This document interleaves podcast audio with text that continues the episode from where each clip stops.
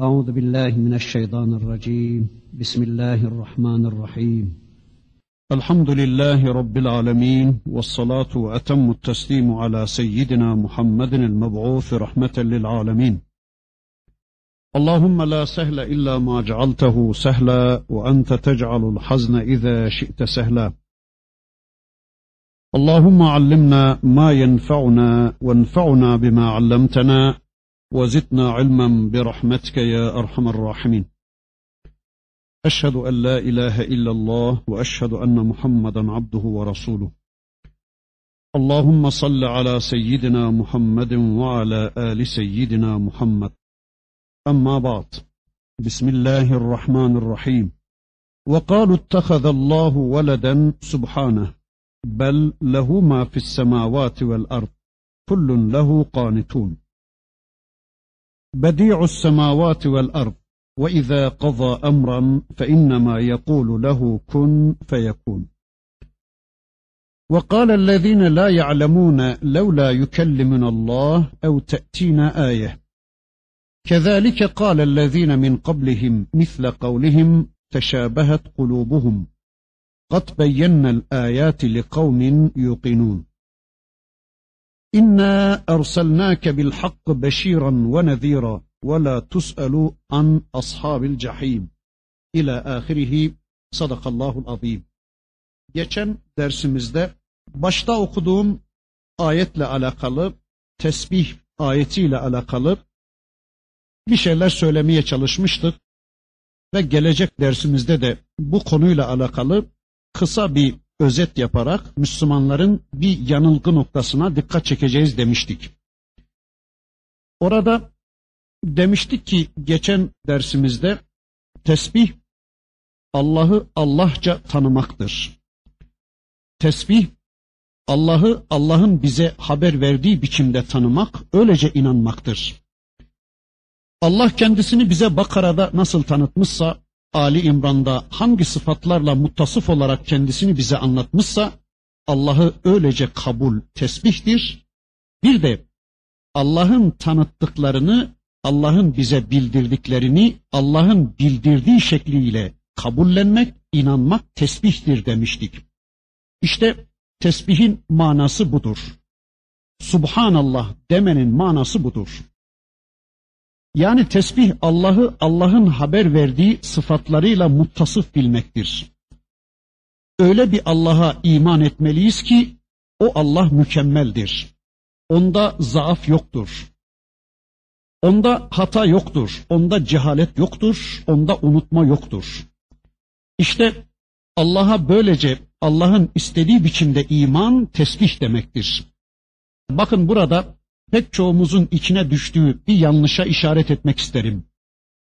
Allah'ı kitabında kendisini bize tanıttığı şekilde tanımadan, yani onda olanlarla tanımadan, muttasıf olduğu Rabbimizin muttasıf bulunduğu sıfatlarıyla onu tanımadan veya onda olmayanları onda bilerek her dakika yüz bin de Subhanallah desek, vallahi de billahi de bunun hiçbir faydası olmayacaktır. Bunu bir daha söyleyeyim inşallah. Allah kitabını nasıl tanıtmışsa, Allah peygamberini nasıl tanıtmışsa, Allah hukukunu nasıl tanıtmışsa, Allah kılık kıyafeti nasıl tanıtmışsa, Allah ekonomiyi nasıl tanıtmışsa, Allah'ın tanıttığı gibi Allah'ı ve Allah'ın tanıttığı gibi tanıttıklarını bileceğiz, öylece iman edeceğiz, sonra da bunları bildikçe Subhanallah diyeceğiz. Subhanallah. Ya Rabbi sen ne büyüksün. Subhanallah. Ya Rabbi sen ne mükerremsin. Ya Rabbi sen ne muazzam bir hukuk vaz etmişsin. Ya Rabbi sen ne muazzam bir kılık kıyafet kanunu koymuşsun. Ya Rabbi sen ne mükemmel bir peygamber göndermişsin. Ya Rabbi sen ne muazzam bir kitap göndermişsin. Böylece bizim önümüze rahmet kapıları açmışsın. Sen ne güzel kanunlar koymuşsun bizim hayatımıza diyecek. İşte bunları tanıdıkça, yani Allah'ın tanıttıklarını Allah'ın tanıttığı biçimde tanıdıkça Subhanallah, Ya Rabbi sen ne büyüksün diye Allah'ı tesbih edeceğiz. Yoksa bunları tanımadan, yani Allah'ı Allah'ın tanıttığı biçimde tanımadan, ya da Allah'ın tanıttıklarını Allah'ın tanıttığı biçimde tanımadan Subhanallah demenin hiçbir kıymeti yoktur. Mesela bakın rızık konusunda Allah'a tümüyle güvenmeyip de ikinci, üçüncü derecedeki razzaklarının korkusundan ötürü bir kısım görevlerini yapmaktan çekinen kişinin günde yüz bin defa da ya razzak, ya razzak demesinin hiçbir kıymeti yoktur. Veya mesela ilimde Allah'a tam olarak güvenmeyip yerde onun eksikliğini tamamlamak üzere bir takım kayıp biliciler aramaya kalkışan bir adamın günde milyon kere ya alim, ya alim demesinin Allah'ı bu şekilde tesbih etmesinin hiçbir kıymeti yoktur. Veya mesela rububiyette Allah'a güvenmeyip yerde Allah'ın bu eksikliğini tamamlamak üzere bir kısım kanun koyucular, bir kısım Rablar arayan, yani bir kısım program yapıcılar arayan ve bunların kanunlarını da kanun bilen bir insan günde milyon kere de Ya Rab, Ya Rab diye zikretse, Allah'ı tesbih etse bu kişinin tesbihi de boştur. Veya şifa konusunda Allah'a güvenmeyip, Allah'ı şafi bilmeyip yerde bir kısım şifa dağıtıcılar arayan kişinin ya şafi ya şafi diye Allah'ı günde yüz bin defada zikretse bu zikri boştur. Öldürmede, diriltmede, ruh vermede Allah'a güvenmeyen birinin ya muhyi ya mümit diyerek Allah'ı zikretmesi de boştur. Veya Allah'ı aziz bilmeyip izzeti Allah'ta değil de malda, mülkte, makamda, mansıpta arayan birinin ya aziz, ya aziz diye milyon kere de günde Allah'ı tesbih etmesinin, Allah'ı zikretmesinin hiçbir faydası dokunmayacaktır. Veya mağfirette, afta, tevbede Allah'ı ikinci plana atarak bir kısım aracılara sığınmaya çalışan, birilerinin koltuğunun altına girmeye çalışan birinin ya tevvab, ya tevvab demesi boştur. Veya kendi kendisini kontrol etme noktasında, murakabe etme noktasında Allah'ı ikinci plana atarak bir kısım aracıları etkin ve yetkin bilen birisinin ya hafız, ya hafız veya ey müheymin, ya müheymin demesi de boştur. Öyleyse şunu unutmayalım. Allah'ı Allah'ın kendisini tanıttığı şekilde tanıyacak ve sonra da Subhanallah diyeceğiz. Veya Allah'ın tanıttıklarını Allah'ın tanıttığı biçimde tanıdıkça Subhanallah diyeceğiz. Mesela kitabı, kitabın fonksiyonunu Allah'ın tanıttığı biçimde kabullenmeyen bir adamın tesbihi mümkün değildir. Veya tesettürü, kılık kıyafeti Allah'ın tanıttığı biçimde tanıyıp öylece inanmayan bir adamın tesbihi mümkün değildir hukuku Allah'ın tanıttığı biçimde tanımayan, Allah'ın hukukunu kabullenmeyen bir adamın tesbihi de mümkün değildir. İşte biz Allah'ı Allah'ın tanıttığı biçimde ya da Allah'ın tanıttıklarını Allah'ın tanıttığı biçimde öğrendikçe, tanıdıkça Subhanallah, Ya Rabbi sen ne büyüksün, Subhanallah, Ya Rabbi sen ne muazzam ilkeler belirlemişin bizim hayatımıza diye işte öylece Allah'ı tesbih edeceğiz. Yani Allah'ı Allah'ın tanıttığı şekilde tanıyacak ve sonra da Subhanallah diyeceğiz. İşte bu Yahudiler, bu Hristiyanlar kendilerince bir Allah'a inanıyorlar. Kendi kafalarında düşledikleri, hayalledikleri, biçimlendirip şekillendirdikleri bir Allah'a inanıyorlar. Ondan sonra da cennete girmeyi umuyorlar. Olacak şey midir bu? Ta yukarıdaki zannediyorum önceki anlattığımız ayetle bu ayetleri böylece bağlıyoruz. İşte böyle bildiğimiz, böyle tanıdığımız, böylece inandığımız bir Allah'ın yeryüzünde oğlu yoktur, hanımı yoktur. Böyle bildiğimiz, böyle inandığımız bir Allah'ın yeryüzünde temsilcileri yoktur. Yeryüzünde yetkilileri yoktur. Kimseye böyle bir yetki vermemiştir. Buna da ihtiyacı yoktur o Allah'ın. Bakın bir ayeti kerimesinde Rabbimiz o hususu şöyle anlatır. وَلَا يُشْرِكُ ف۪ي حُكْمِهِ ahada. Hükmünde, mülkünde ortağa ihtiyacı yoktur o Allah'ın. Kehf suresindeydi galiba ayeti kerime. Bundan sonra bakın ayetin devamında Rabbimiz şöyle diyor. Bel lehu ma fis semavati vel ard kullun lehu kanitun. Bilakis göklerde ve yerde ne varsa hepsi Allah'ındır. Lehu ma fis semavati vel ard. Göklerde ve yerde ne varsa mevcudatın tümü onundur. Her şey ona boyun büküp teslim olmuştur. Kullun lehu kanitun. Melekler, cinler, insanlar hepsi onun kullarıdır. Hiçbir varlık onun uluhiyetine ve rububiyetine ortaklık iddia edemez. Göklerde ve yerde Allah'tan başka melikler, Allah'tan başka söz sahipleri varsa o zaman onların sınırlarına girdiğimiz zaman onlara da kulluk yapalım. Değil mi? Yani farz edin ki bir yere girdik. Soralım burası kimin diye veya gökyüzüne çıktığımız zaman burası kimin diye soralım. E varsa Allah'tan başka bir sahip ona da kulluk yapalım. Yahut mesela zamana beş dakikalığına söz geçirebilen birileri varsa onlara da kulluk edelim. Mesela güneşe beş dakikalığına sahip olabilen birileri varsa o beş dakikalığına biz de ona kulluk edelim. Yani adam bizim mesaimiz bitmedi şu güneşi işte bir iki saat uzat dediğimiz zaman güneşe söz geçirebilecek, güneşi işte bir iki saat ya da beş on dakika geç batıracak, güneşe hükmedecek birileri varsa e tamam ona da kulluk edelim.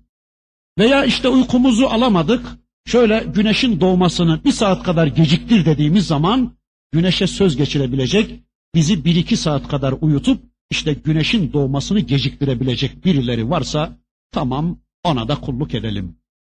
Diyelim ki ey bu beş dakikayı bize veren tanrılar tanrısı kulluk sizin de hakkınızdır.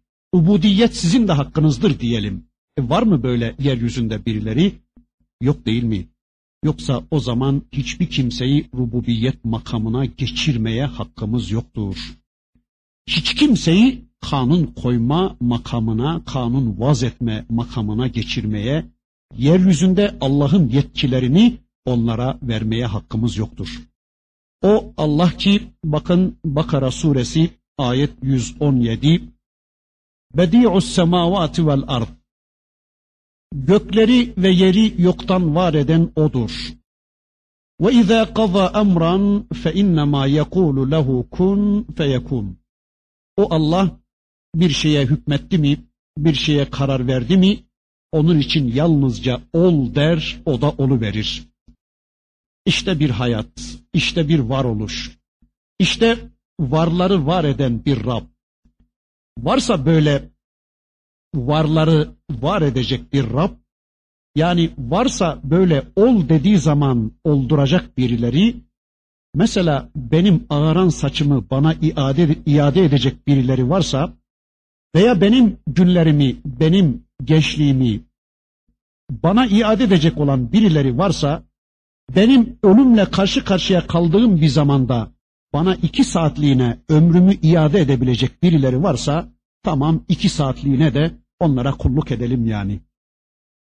Ya da bizim için gökten bir damla yağmur indirebilecek birileri varsa, veya yerden bir tane buğday bitirebilecek, bir tek ot bitirebilecek birileri varsa, Tamam ona da kulluk edelim yani. Yoksa o zaman sadece Allah'a kulluk etmek, sadece Allah'a teslim olmak, boyunlarımızdaki kulluk ipini sadece Allah'ın eline vermek, sadece onun çektiği yere gitmek, sadece ona teslim olmak zorundayız. Eğer benim yaratılışım Allah'tansa, benim rızkım Allah'tansa, benim ölümüm Allah'tansa, benim hayatım Allah'tansa, o zaman başkalarının benden kulluk beklemelerinin hiçbir anlamı kalmayacaktır. Öyleyse yetki sadece Allah'ındır. Hakimiyet sadece Allah'ındır. Kulluk sadece Allah'a aittir. Egemenlik sadece Allah'ındır ve ondan başka kimsede yetki hakkı yoktur.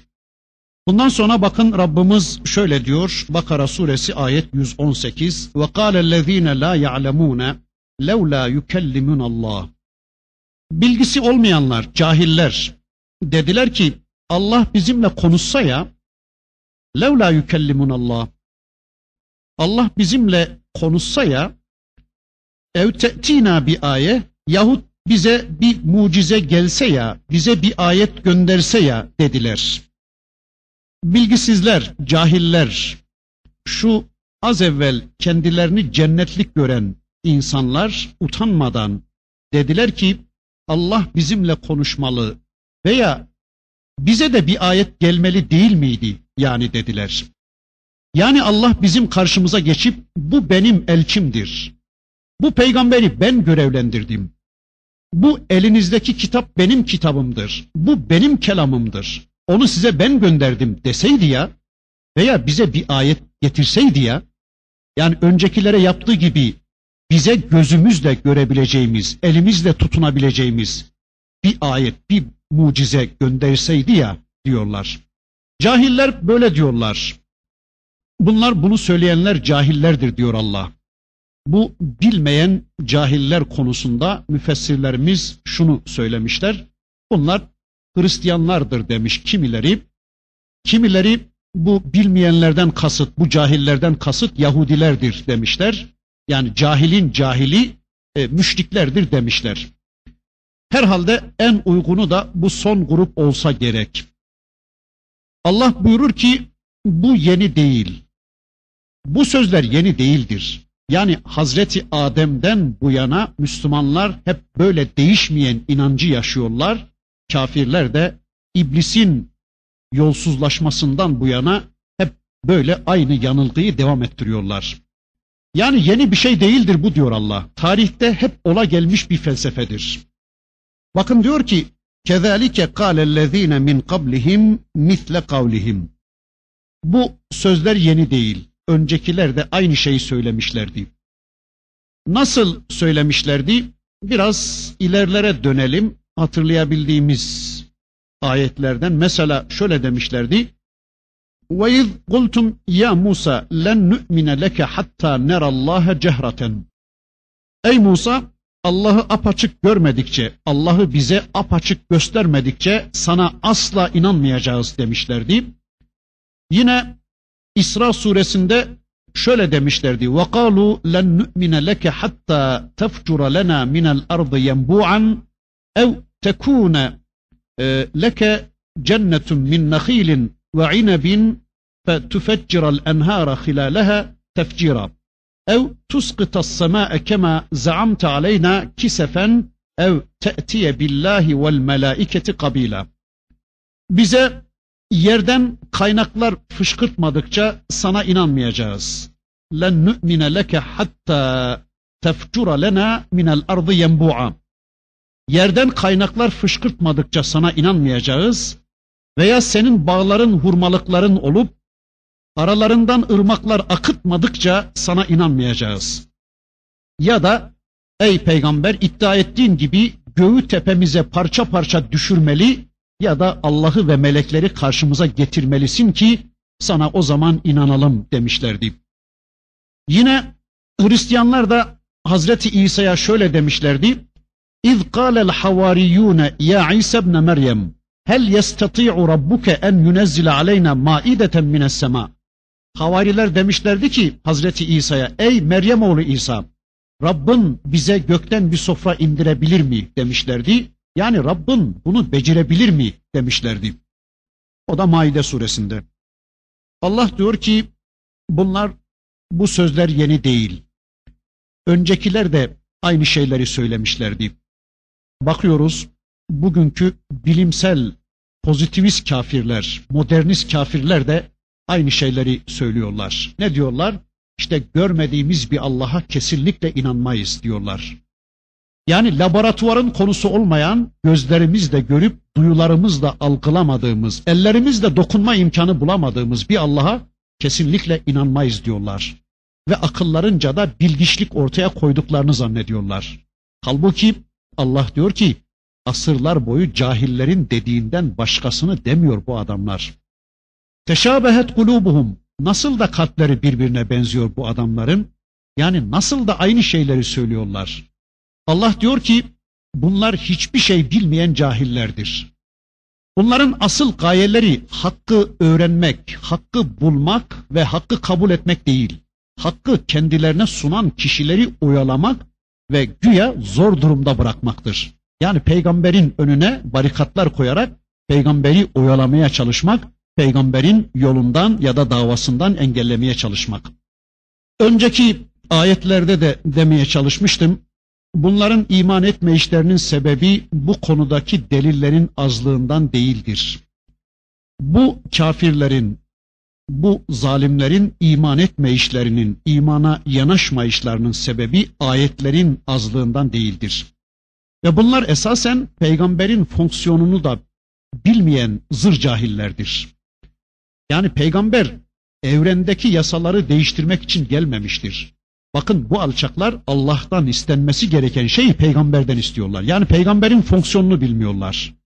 Allah'ın becerebileceği, Allah'ın yapabileceği ama bir beşer olarak peygamberin yapamayacağı şeyleri peygamberden isteyerek zır cahillik yapıyorlar. Evet, peygamber yeryüzündeki yasaları değiştirmek için gelmemiştir. Bu sizin bilgisizce kendisinden istediğiniz şeylere ancak yeryüzündeki Allah'ın koyduğu ve kendisinden başka hiç kimseye müdahale izni vermediği kanunları değiştirmeye güç getiren bir peygamber ancak cevap verebilir. Halbuki bu iş peygamberin işi değil. Bu iş ancak Allah'ın elindedir. Peygamberin sizin gibi bir insan olarak görevi sadece Allah'tan geleni size duyurmaktır. Yani sadece size peygamber doğru yolu gösterir. Allah yolunu gösterir. Peygamberin vazifesi budur. Hal böyleyken siz ondan onun gücünün yetmeyeceği şeyler isteyerek cahilliğinizi ortaya koyuyorsunuz. Kaldı ki kat beyyennel ayati li kavmin yuqinun eğer gerçekten ayet istiyorsanız biz kesin bir bilgiyle inanmak isteyenlere ayetlerimizi açıkladık. Kesin iman etmek isteyenlere yani derdi iman olanlara biz ayetlerimizi apaçık gösterdik diyor Allah. Ayet mi istiyorsunuz? Şu elinizdeki Allah'ın ayetleri yetmiyor mu size? Ayet mi istiyorsunuz? Şu kainatta Allah'ın serpiştirdiği meşhut ayetler yetmiyor mu size? Önceki derslerimizde de ifade etmiştik. Allah'ın iki tür ayeti var. Bir meşhut ayetler yani müşahede edilen, göze hitap eden ayetler, görsel ayetler. İşte Rabbimiz kainatta ağaçtı, buluttu, semaydı, yıldızdı, insandı, ottu, denizdi. Bütün bunlar Allah'ın varlığına delildir, Allah'ın varlığına ayettir. Bunlar görsel ayetlerdir. Bir de Allah'ın kitabında gönderdiği şu ayetler de kulağa hitap eden işitsel ayetler ya da metlu ayetlerdir. Yani Allah diyor ki ayet mi istiyorsunuz? Yetmez mi şu elinizdeki kitabın ayetleri? Ayet mi istiyorsunuz? Yetmez mi Allah'ın semavatta, kainatta serpiştirdiği gözünüze hitap eden binlerce ayetler? Yani bu ayetler yetmiyor gibi Allah'tan yeni ayet istiyorlar. Halbuki Allah'ın ayetlerinden habersiz alçaklar. Allah'ın kendileriyle konuşmasını istiyorlar. Halbuki şu ayetlerle Allah'ın kendileriyle konuştuğunun farkında değiller. Anlıyorlar aslında da yamukluk yapıyor alçaklar. Hani Bakara'nın evvelinde okumuştuk ayetleri. Rabbimiz orada anlatmıştı. Musa'nın toplumu konuşmaya şahit oldular. Bu defa da bizzat Allah'ı görelim dediler. E bunlar böyle cins bir istekte bulununca Allah'ın konuşmasına şahit oldular. Bu defa da ne diyeceklerdi? Tabi Allah'ı bizzat görmemiz lazım diyeceklerdi. Yani bunların iman etme işlerinin sebebi ayetlerin yokluğu değil, ayetlerin azlığı değil, delillerin azlığı değil ya da bu ayetleri onlara sunan insanların örnekliliğinin bozukluğu değil, peygamberlerin örnekliliğinin bozukluğu değil, inatlarından dolayı Allah'ın ayetlerini görmezden geliyorlar. Bir taraftan da Allah'tan yeni ayetler bekliyorlar. Allah'tan yeryüzüne bir sofra indirilmesini mi bekliyorsunuz? Allah'ın yeryüzünde sizlere sunduğu şu nimet sofrasını görmüyor musunuz? Yani gerçekten yani bunu diyen bir adamın deli olması lazım. İşte görüyoruz. Elmasıyla, armuduyla, buğdayıyla, yağlısıyla, tuzlusuyla, tatlısıyla, ekşisiyle yani Allah'ın size sunduğu şu sofrayı görmüyor musunuz? Kim verdi bütün bunları size? Allah'tan beklemeniz, Allah'tan istemeniz gereken şeyleri sizin gibi bir beşer olan peygamberden mi istiyorsunuz? Allah'ın becerebileceği şeyleri peygamberin becermesini mi bekliyorsunuz? Halbuki peygamberin görevi bu değildir. Ve insanların bu tür cahilce isteklerini yerine getiremeyen bir peygamber başarısız bir peygamber değildir. Öyleyse peygamberim sen onların dediklerine aldırış etmeden yoluna devam et. İnna beşiran ve nezîra ve la tus'elu an ashabil cahim. Peygamberim şüphesiz ki biz seni müjdeci ve uyarıcı olarak gönderdik. Beşiran ve nezîra. Uyarıcı ve müjdeci olarak gönderdik. Ve la tus'elu an ashabil cahim ve sen peygamberim cehennem halkından da sorumlu olmayacaksın. İşte peygamberin konumu ve işte peygamberin görevi.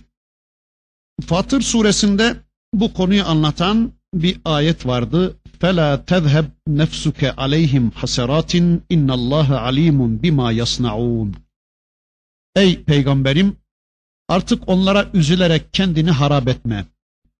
İnna Allah alimun bima yasnaun. Allah onların yaptıklarının tamamından haberdardır. Yine İleride gelecek Bakara suresinde Rabbimiz ilerideki ayetlerde diyecek ki Leysa aleyke hudahum velakinnallaha yehdi men yeşâ. Peygamberim onların yola gelmesi senin üzerine borç değildir. Onların hidayeti seni ilgilendirmez. Velakinnallaha yehdi men yeşâ. Lakin Allah dilediğini hidayete ulaştırır, dilediğine hidayet eder.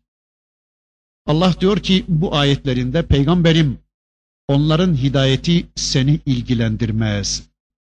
Onların doğru yola gelip gelmemeleri sana düşmez. Dilediğini hidayete ulaştıran ancak Allah'tır. Senin görevin budur. Sen sadece beşir ve nezirsin. Senin görevin zorla insanların kalbine imanı sokmak değildir. Yani gücünü aşan konulara gelince bunlar senin sorumluluk alanının dışındadır peygamberim diyordu.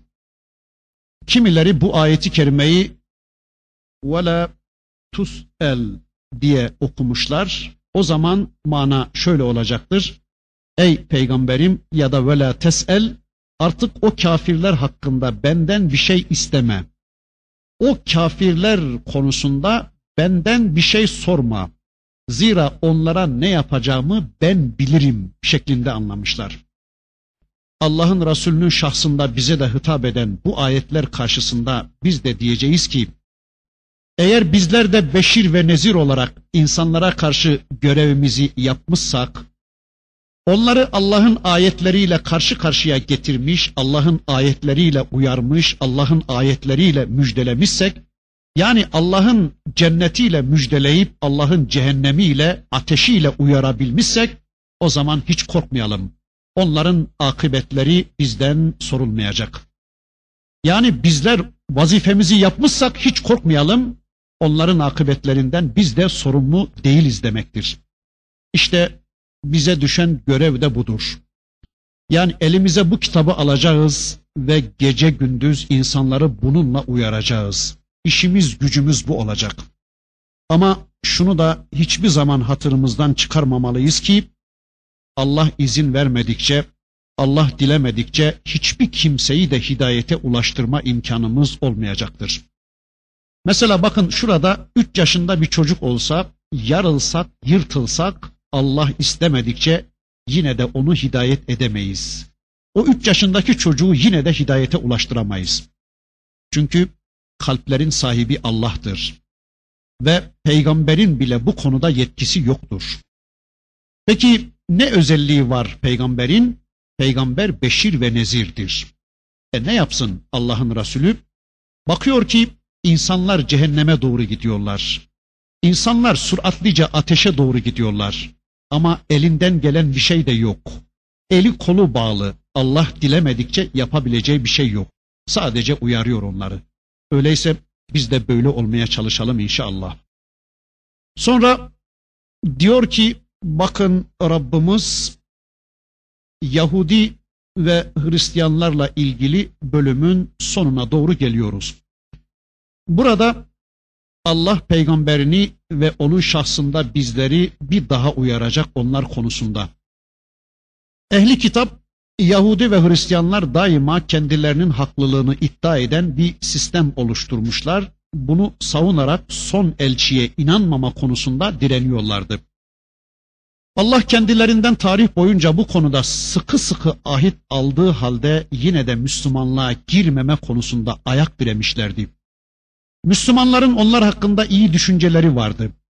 Kendilerine iyi davranılırsa, onların hoşlarına gidecek davranışlarda bulunurlarsa, onların belki Müslüman olabilecekleri zannı vardı Müslümanlarda. Öyle ya, bu adamlar da müşriklerde bulunmayan bazı özellikler vardı. Mesela müşrikler ahirete inanmıyorlar. Müşrikler ölüm ötesi hayatı inkar ediyorlardı. Ama bunlar ahirete inanan insanlardı. Müşrikler putlara tapıyorlardı ama bunlar tek tanrılı bir inanca sahip olduklarını iddia ediyorlardı. Müşriklerin kitapları yoktu ama bunlar kitap ehli olduklarını iddia ediyorlardı. Müşrikler peygambere de inanmıyorlardı ama bunlar Kur'an'ın da haber verdiği peygamberlere inandıklarını iddia ediyorlardı. Hazreti Musa'ya, Hazreti İsa aleyhisselamlara inandıklarını iddia ediyorlardı. Üstelik inandıkları bu peygamberler ve sahiplendikleri bu kitaplar bu son elçinin geleceğini onların kafasında daima canlı tutmaya çalışıyorlardı. Ve bu son peygamber geldiği zaman ona iman edecekleri ve onu koruyacakları konusunda onlardan misak alındığını da hatırla diyordu ellerindeki kitapları. Üstelik şu ana kadar da çevrelerindeki müşriklere hele bir gelsin. Hele ahir zaman nebisi bir gelsin. Biz ahir zaman nebisinin arkasında bir cemaat oluşturacağız, bir ordu oluşturacağız. Sizin de putlarınızın da kökünü kazıyacağız diye yıllar yılı Medine'deki putperest Araplara hava atıyorlardı. Gelişi yaklaşan son elçiyi bekliyorlardı. İşte bu özelliklerinden ötürü Müslümanlar onlara sıcak bakıyorlardı. Ve bunların ha bugün ha yarın mutlaka e, İslam'ı kabul edeceklerini bekliyorlardı. Ama bu adamlar Müslümanların kendileri hakkındaki bu sıcak alakalarını ters tepiyorlar ve kalplerindeki kini, kalplerindeki hasedi hep açığa çıkarıyorlardı. Ve işte bundan dolayıdır ki Rabbimiz bu adamların karakterlerini Müslümanların gözleri önüne seriyor ve bu konudaki sürekli Müslümanların beklentilerini uyarıyor ve Müslümanları bu bekleyişten vazgeçirmeyi hedefliyordu. Bu cümleden olarak müminlerin velilerinin, müminlerin dostlarının ancak Allah olduğu, Resulü ve Müslümanlar olduğunu, namaz kılan, ruku eden ve Müslümanlarla birlikte hareket eden kimseler olduğunu vurguluyordu Rabbimiz. Ve hiçbir zaman da Yahudi ve Hristiyanların kendilerinin dostu olamayacağını, kendilerine dost olamayacağını ısrarla anlatıyordu Rabbimiz Müslümanlara. İşte bakın burada da şöyle buyuruyor Rabbimiz. Bakara suresi ayet 120. وَلَنْ تَرْضَى عَنْكَ الْيَهُودُ وَلَا النَّصَارَى حَتَّى تَتَّبِعَ مِلَّتَهُمْ Peygamberim Yahudi ve Hristiyanlar asla ebediyen senden razı olmayacaklar sen onların milletine girinceye kadar. Sen onların milletine girinceye kadar Yahudi ve Hristiyanlar asla senden razı olmazlar, olmayacaklar. Hatta tettebi'a milletehum. Sen onların milletine girinceye kadar. Yani hiçbir zaman bir Yahudi, bir Hristiyan Müslümandan razı olmaz. Müslümanı dost kabul etmez ve etmeyecektir. Ama ne zaman ki Müslüman tevhidi, İslam'ı, imanı, Kur'an'ı, Resulü, Allah'ı, kitabı bir tarafa bırakır da Yahudi ve Hristiyan inancına girerse bunu kesin kes ispatlar ve onlar gibi bir hayata, onlar gibi bir imana, onlar gibi bir düşünceye boyun eğerse işte o zaman kendilerinden razı olabilirler. Yani o dini terk eden Müslümandan ancak razı olurlar. Aksi takdirde tarihin hiçbir devrinde, hiçbir toplumunda gerçekleşmeyen bir şeydir bu. Yahudi ve Hristiyanların Müslümanlardan razı olması. Zaten tarihteki tüm kavgalar, tarihteki, geçmişteki tüm vuruşmalar din adına gerçekleşmiş kavgalardır. Tarihin başlangıcından şu ana kadar ve şu anda da yapılan tüm savaşları inceleyin, tahlil edin. Yani savaşların alt sebeplerine inin, kavgaların, dostlukların, barışların, birlikteliklerin altyapısını araştırmaya çalışın. Göreceksiniz ki karşınıza din çıkacak. Karşınıza inanç çıkacaktır. Yani aynı dinde, aynı inançta olanların birbirlerini sevdiklerine şahit olacaksınız. Aynı inançta olanların birbirlerine karşı fedakarlıkta bulunduklarına şahit olacaksınız. Ama ters inançta, farklı dinde olanların birbirlerine hep düşman olduklarını göreceksiniz.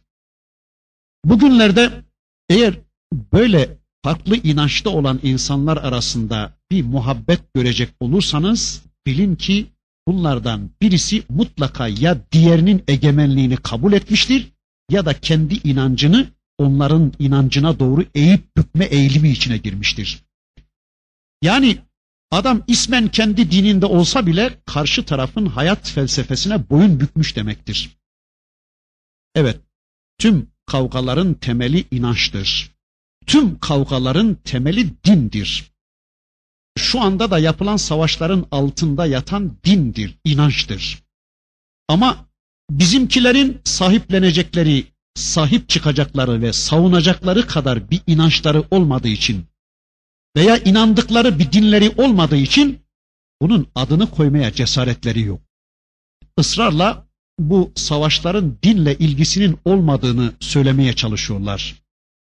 Yani hem Müslümanların uyanacağından korkuyorlar hem de kendilerinin savunacak bir dinleri olmadığı için böyle yapıyorlar. Bakın düşmanlarımız açık açık İsmailoğullarının kökünü kesene kadar bu savaşımız sürecektir diyorlar. Yani düşmanlarımız açık açık bunu söyledikleri halde bizimkiler başka türlü bakmaya zorluyorlar kendilerini. Yani başka türlü yorumlamaya çalışıyorlar. Savunacak bir dinleri olmadığı için, inandıkları bir dinleri olmadığı için hem Müslümanların uyanmasından korkuyorlar hem de böyle demeye çalışıyorlar. Evet Allah diyor ki peygamberim hiçbir zaman Hristiyanlar ve Yahudiler senden razı olmayacaklar ta ki sen onların milletine girinceye kadar. Millet tutulup gidilen yol demektir. Millet din ve şeriat demektir. İşte bu manada Yahudilik ve Hristiyanlık birer millettir. İslam da bir millettir. Yani sen kendi milletini bırakıp, kendi dininden çıkıp, kendi imanını terk edip, onların milletine, onların dinine girmedikçe, onlar senden razı olmazlar, olmayacaklar diyor Rabbimiz. Evet, Müslümanlar bugün ne kadar onlara benzemeye çalışırlarsa çalışsınlar, onların amellerini ne kadar taklit ederlerse etsinler, onların düşüncelerinin yapısal özelliklerine ne kadar evet derse desinler, açıktan açığa kendi dinlerinden çıkıp biz de Yahudi olduk, biz de Hristiyan olduk demedikçe, kiliselerine, havralarına girip onlar gibi ibadet etmedikçe, onlar sizden asla razı olmayacaklar. Mesela hakikaten şu anda İslam dünyasının pek çoğu başlarındaki ne idi belirsiz idarecileri vasıtasıyla Yahudi ve Hristiyanlara peşkeş çekildiği bir konumda bulunmaktadır. Ama şurası da bir gerçektir ki ne Amerika ne de Yahudiler bu ülkelerden hiçbirisine güvenmemektedirler. İşte Türkiye, işte Mısır, Suriye, Pakistan, Cezayir, Tunus yani her şeyiyle bunlara teslim edildiği halde bunlardan hiçbirisine güvenmemektedirler. İsrail de güvenmiyor, Amerika da güvenmiyor, Avrupa da güvenmiyor. Yani ne Hristiyan dünya ne de Yahudi dünya bu ülkeler kendilerine teslim edildiği halde bu ülkenin ne idarecilerine ne de halk tabakasına güvenmiyorlar. Tamam belki dostluk anlaşmaları imzalıyorlar. Belki işte ortak hareket etmeye çalışıyorlar ama ne Amerika ne de İsrail bunların hiçbirisine güvenmiyor. Niye? Çünkü şöyle bakıyorlar hadiseye. Bugün bunlar her ne kadar bize bağlı iseler de kanunlarıyla, eğitimleriyle, hukuklarıyla, her şeyleriyle bizim dediklerimizi yapıyorlarsa da bunların ne zaman kendilerine gelecekleri, ne zaman uyanıp da Müslümanlıklarının farkına varacakları belli olmaz diye gerek bu ülkelerin kendilerine sadakat yeminleri eden yöneticilerine gerekse halkına güvenmiyorlar. Ve fırsat buldukları zaman da ilk kesecekleri, ilk öldürecekleri kimseler olarak da bu kendilerine hizmet eden kimseler olduklarını da zaman zaman söylemekten geri durmuyorlar. Bundan 8-10 yıl önceki bir ABD başbakanının sözü aynen şöyleydi. Yeryüzünde son İsmail oğlu kalmayıncaya kadar bizim savaşımız sürecektir. Anladınız değil mi? Yeryüzünde bir tek İsmail oğlu kalmayıncaya kadar bizim savaşımız sürecektir dedi adam. İsmail oğlu kim? Biziz. Yani İbrahim Aleyhisselam'ın iki oğlu var. Birisi İshak Aleyhisselam. Onun soyundan İsrail oğulları gelir. Yahudi ve Hristiyanlar onlara İsrail oğulları denir. İbrahim Aleyhisselam'ın öteki oğlu İsmail Aleyhisselam'ın soyundan da son peygamber Hazreti Muhammed Aleyhisselam gelmiş. Yani Müslümanlara da İsmail oğulları denir. Bakın adamlar diyorlar ki yeryüzünde bir tek İsmail oğlu kalmayıncaya kadar yani yeryüzünde bir tek Müslüman kalmayıncaya kadar bizim savaşımız sürecektir diyor adam. Yani mümkün değil ki bu Amerika, bu Hristiyanlar ve Yahudiler karşılarında dokuz takla atan bu Müslüman ülkelerinin Müslüman ismi taşıyan idarecilerinden bile razı olmayacaklar. Yani kendilerine boyun bükmüş, karşılarında dokuz takla atan, buyurun efendim ne isterseniz yapacağız, ne emrederseniz yapacağız, bizim ülkemiz size teslimdir diyen o Müslüman gariban ülkelerin liderlerine bile güvenmiyorlar. Zamanımız doldu. İnşallah Bakara suresinin 120. ayetinde kaldık. Gelecek haftaki dersimizde bu ayet üzerinde de birkaç bir şeyler söyledikten sonra Rabbimizin öteki ayetlerini tanımaya geçmek üzere. Velhamdülillah.